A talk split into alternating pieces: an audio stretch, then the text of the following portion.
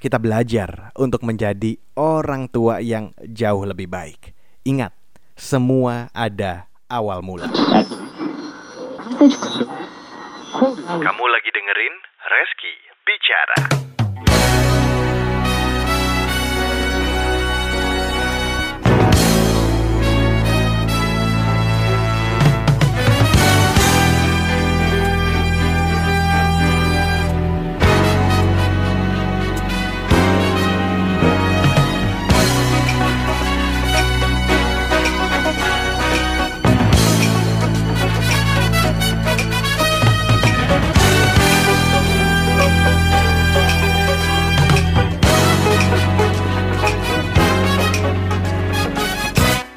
Langsung dibuat dari Kebayoran Baru Jakarta Selatan. Ini dia Reski Bicara. Selamat pagi, siang, sore Kapan pun lo lagi dengerin.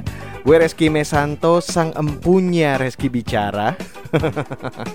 Ini hari kedua Hari kedua di challenge 30 hari bersuara Yang dipersembahkan The Podcaster Indonesia. Buat lo yang belum follow official Instagramnya The Podcaster Indonesia. Langsung di follow ya. Anyway, hari ini gue mau berbicara tentang awal mula Awal mula apa ya? Jadi kalau misalnya lu denger di episode 0 atau pilot episodenya 30 hari bersuara versinya Reski, gue bilang kalau udah hampir satu bulan lebih gue nggak aktif di dunia podcast karena di keluarga gue baru aja mengalami satu pergulakan yang luar biasa yang tentunya itu butuh perhatian ekstra dari gue dan Kali ini gue mau ngangkat ini di topik podcast gue hari ini awal mula. Buat informasi apa yang akan gue sampaikan di episode kali ini ini penting banget. Nggak cuma buat lo yang sudah menikah, nggak cuma buat lo yang sudah punya anak atau yang baru punya anak, tapi justru gue berharap buat lo yang baru mempersiapkan untuk menikah sekalipun, ini informasi yang penting banget. Karena menurut gue, ilmu tentang parenting, ilmu tentang bagaimana membesarkan dan merawat anak itu harus lu pelajarin sebelum lu menjadi orang tua. Setuju? Dan di episode kali ini gue mau ngajak lu untuk ngobrol tentang abses dan mastitis pada payudara. Ini penting banget, apalagi buat lu ladies yang lagi bersiap untuk menjadi seorang ibu atau yang baru aja menjadi seorang ibu. Ini benar-benar harus lu waspadai dan buat lo para suami, calon suami atau ayah baru, ini juga harus benar-benar lo perhatiin karena biar bagaimanapun keberhasilan seorang ibu menyusui itu harus didukung sama suami. Dan di episode kali ini gue akan bercerita tentang awal mula istri gue didiagnosa mengalami mastitis yang berujung abses pada payudara. Gue bakal ceritain semuanya, mulai dari apa yang dirasain pada awal, kemudian bagaimana pengobatannya, hingga akhirnya harus dioperasi dan sekarang masa penyembuhannya. Pokoknya akan gue bahas, mudah-mudahan apa yang akan gue bahas kali ini, ini akan bermanfaat buat lo semua. Tapi one thing that you have to know, menjadi orang tua It's so amazing. And now I've got Stevie Wonder and Beyonce with So Amazing. Love has truly been good to me. Not even one sad day, a minute have I had since you've come my way. I hope you know.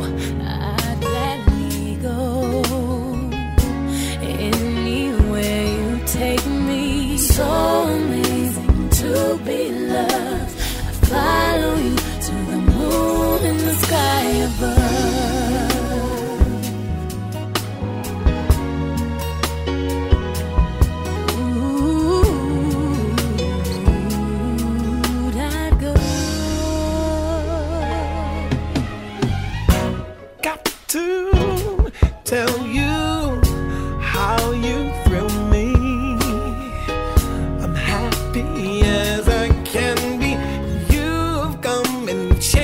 my whole world.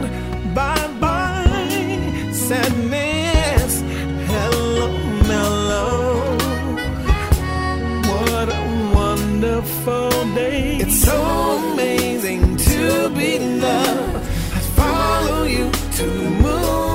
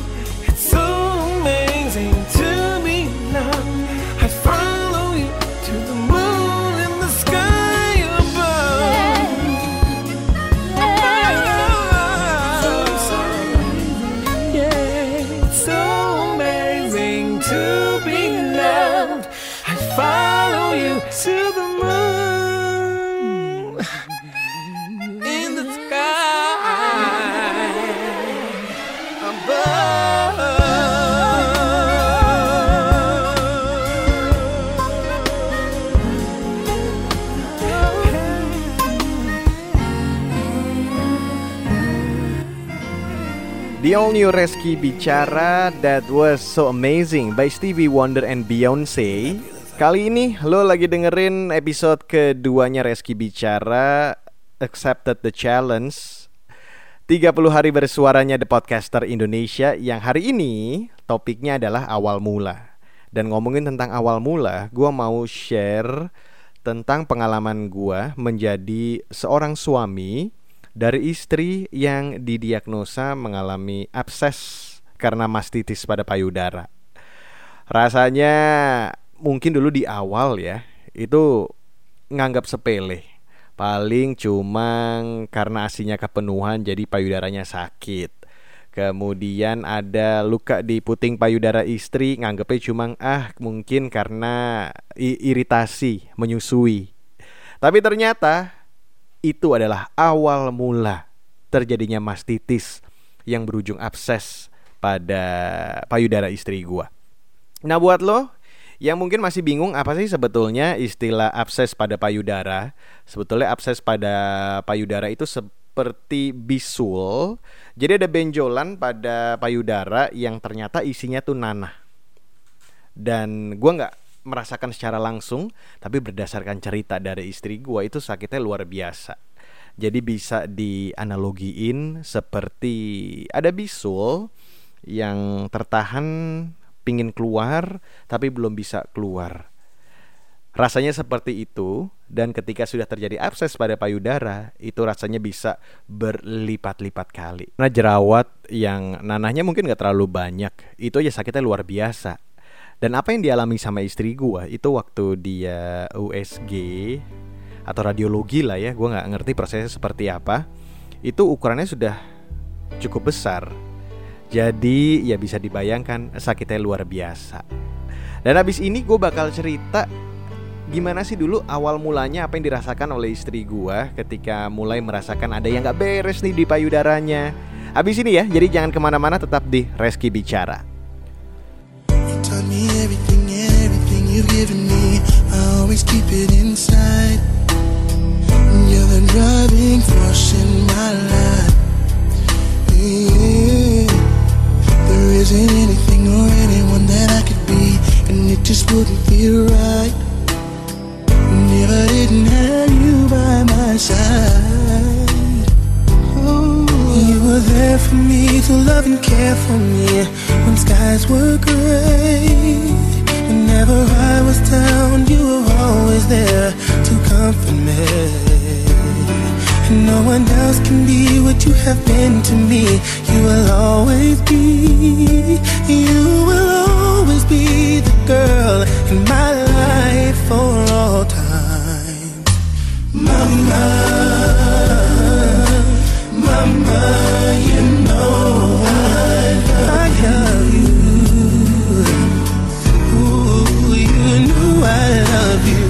Mama. Mama, you're the queen of my heart.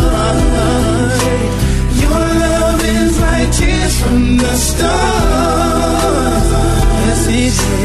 Mama, just want you to know. Loving you is like food to my soul. Yes, it is. Yes, it is. Oh, Yes. Oh.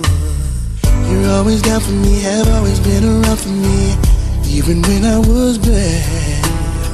You've shown me right from my wrongs. Yes, you did. And you took up for me when everyone was down on me. You always did understand.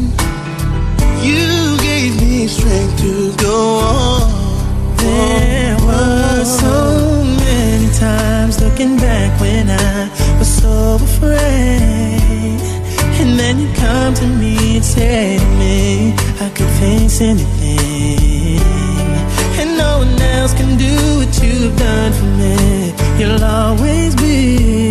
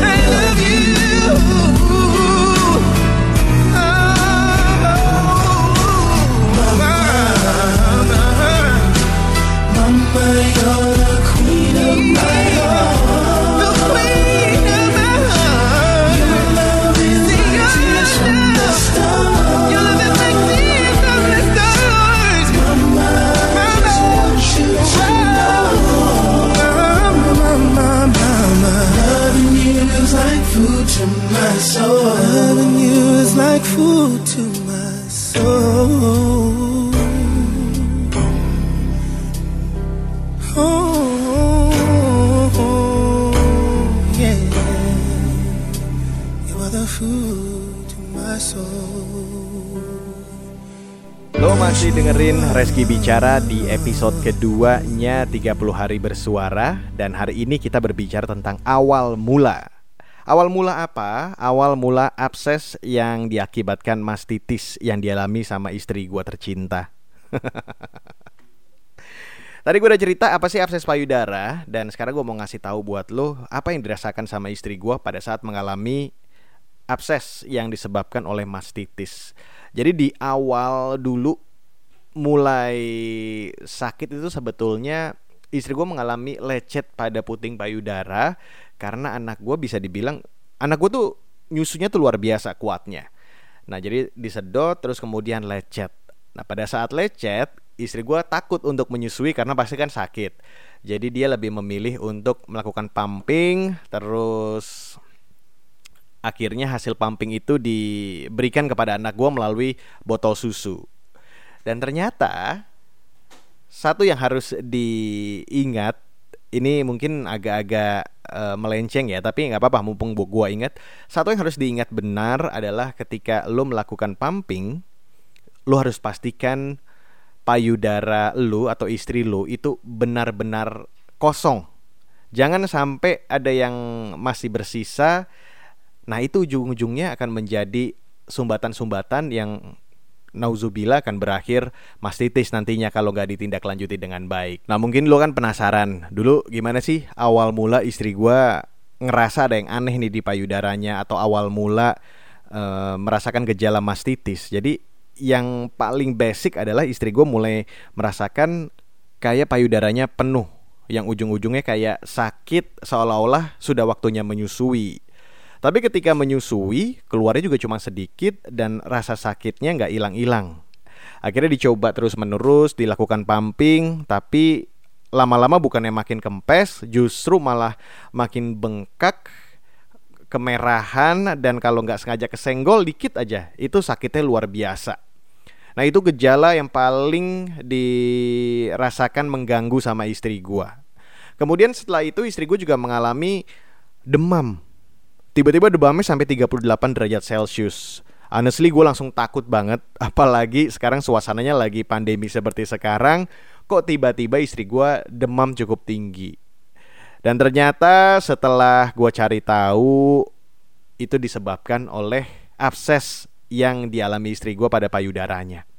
Selain yang dialami sama istri gua, ternyata setelah hasil browsing gua ada beberapa gejala-gejala yang juga timbul kalau mengalami abses pada payudara. Jadi di antaranya memungkinkan akan keluar nanah dari puting payudara, kemudian jika diraba payudara tuh akan berasa kayak ada gumpalan. Dan yang paling umum adalah payudara tuh akan terlihat kemerahan, bengkak dan keras luar biasa dan kalau kesenggol tuh sakitnya luar biasa. Jadi buat lu semua yang gue sih selalu berdoa segala hal yang baik buat lo. Tapi kalau memang lo baru aja punya baby dan merasakan gejala seperti ini, ada baiknya buruan lu periksain ke dokter. Datengin dokter laktasi dan kalau ada yang gimana-gimana pasti dokter laktasi menyarankan untuk melakukan USG dan langsung dirujuk ke dokter bedah. Ingat, ketahuan lebih dini itu sangat memungkinkan untuk tidak dilakukan operasi tapi dibantu dengan obat-obatan antibiotik. Abis ini gue ceritain deh bagaimana pengobatan yang harus dijalani istri gue ketika sudah didiagnosa mengalami abses akibat mastitis pada payudara. Jadi jangan ke mana-mana, tetap di Reski Bicara. Kau adalah yang pertama menyentuhku Mendekapku di tengah dingin malam Kau adalah sesuatu yang indah bagiku.